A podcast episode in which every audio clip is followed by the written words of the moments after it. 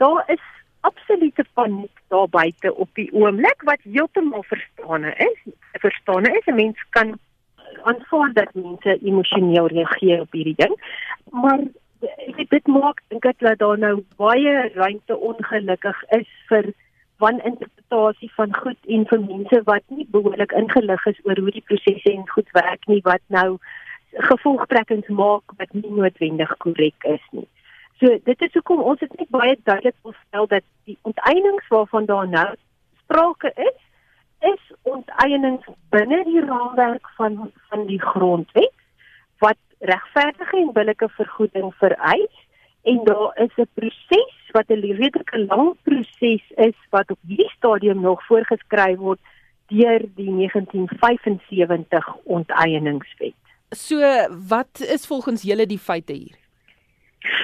OK, so ons het nie ander inligting as dit wat in die media was, maar die die media gerugte het dit duidelik gemaak dat hierdie is 'n uh, grondeis wat aan 'n redelike lang pad kom. So die eerste ding wat vir ons belangrik is is daar daar moet 'n geldige rede vir die onteiening wees. En dit blyk dat die rede vir die onteiening hierso die grondeis is.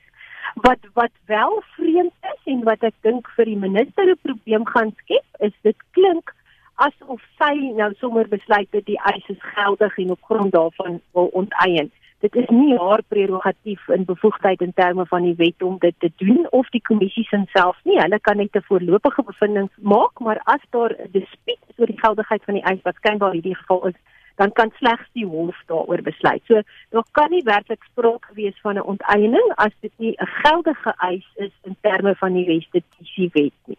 Dit is die, die eerste belangrike punt. Die tweede punt is dit lyk wel asof die minister die prosesse gevolg het in terme van daar was al blykbaar Oktober verlede jaar 'n kennisgewing van voorneme om om te onteien beteken. Daar is aan die eienaar die geleentheid gegee om beswaar te maak.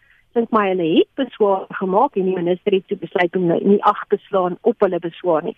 In so 'n situasie het die eienaar dan die reg om die minister se besluit op hersiening deur die hof te laat neem. En dit klink vir my hulle is ook besig met daai prosesse nou.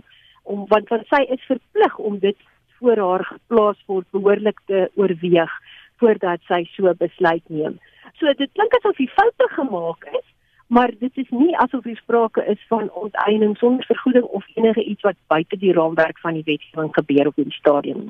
So mens kan nie nou al praat van 'n grondonteeneming wat plaasgevind het nie. Kyk, as daar 'n finale inisiatief van onteiening beteken is, dan is dit 'n onteiening, maar hier is nog 'n hofproses dink vir my wat hangende is. So die hof kan dit nog omdraai as hier foutiewe aannames en goed deur die minister gemaak is wat dit klink asof dit die geval was. So daar's daar's altyd toegang tot die howe in 'n situasie soos daai. Julle is wel bekommerd oor die formule wat die waardeerder generaal skynbaar gebruik het. Ja, wat ons weet hier hierdie formule wat in 'n konsepvorm gepubliseer is so 2 jaar gelede wat teen ons ernstig beswaar gemaak het, gebruik word deur die waardeerder generaal ten spyte van die feit dat dit nog nie sover ons weet in 'n finale vorm afgekondig is nie en dit is definitief iets wat grondeienaars onder sekere omstandighede baie kan benadeel. Ons reken dat dat dit waarskynlik ongrondwettig is en en die visa saak waarna ons betrokke was, ek verlede jaar het, het ook duidelike riglyne neergelê van jy weet markwaarde moet die vertrekpunt wees en daar kan nie arbitreëre aftrekkings gedoen word nie. So ons dink dit sou 'n goeie ding wees as daai formule getoets word in die hof.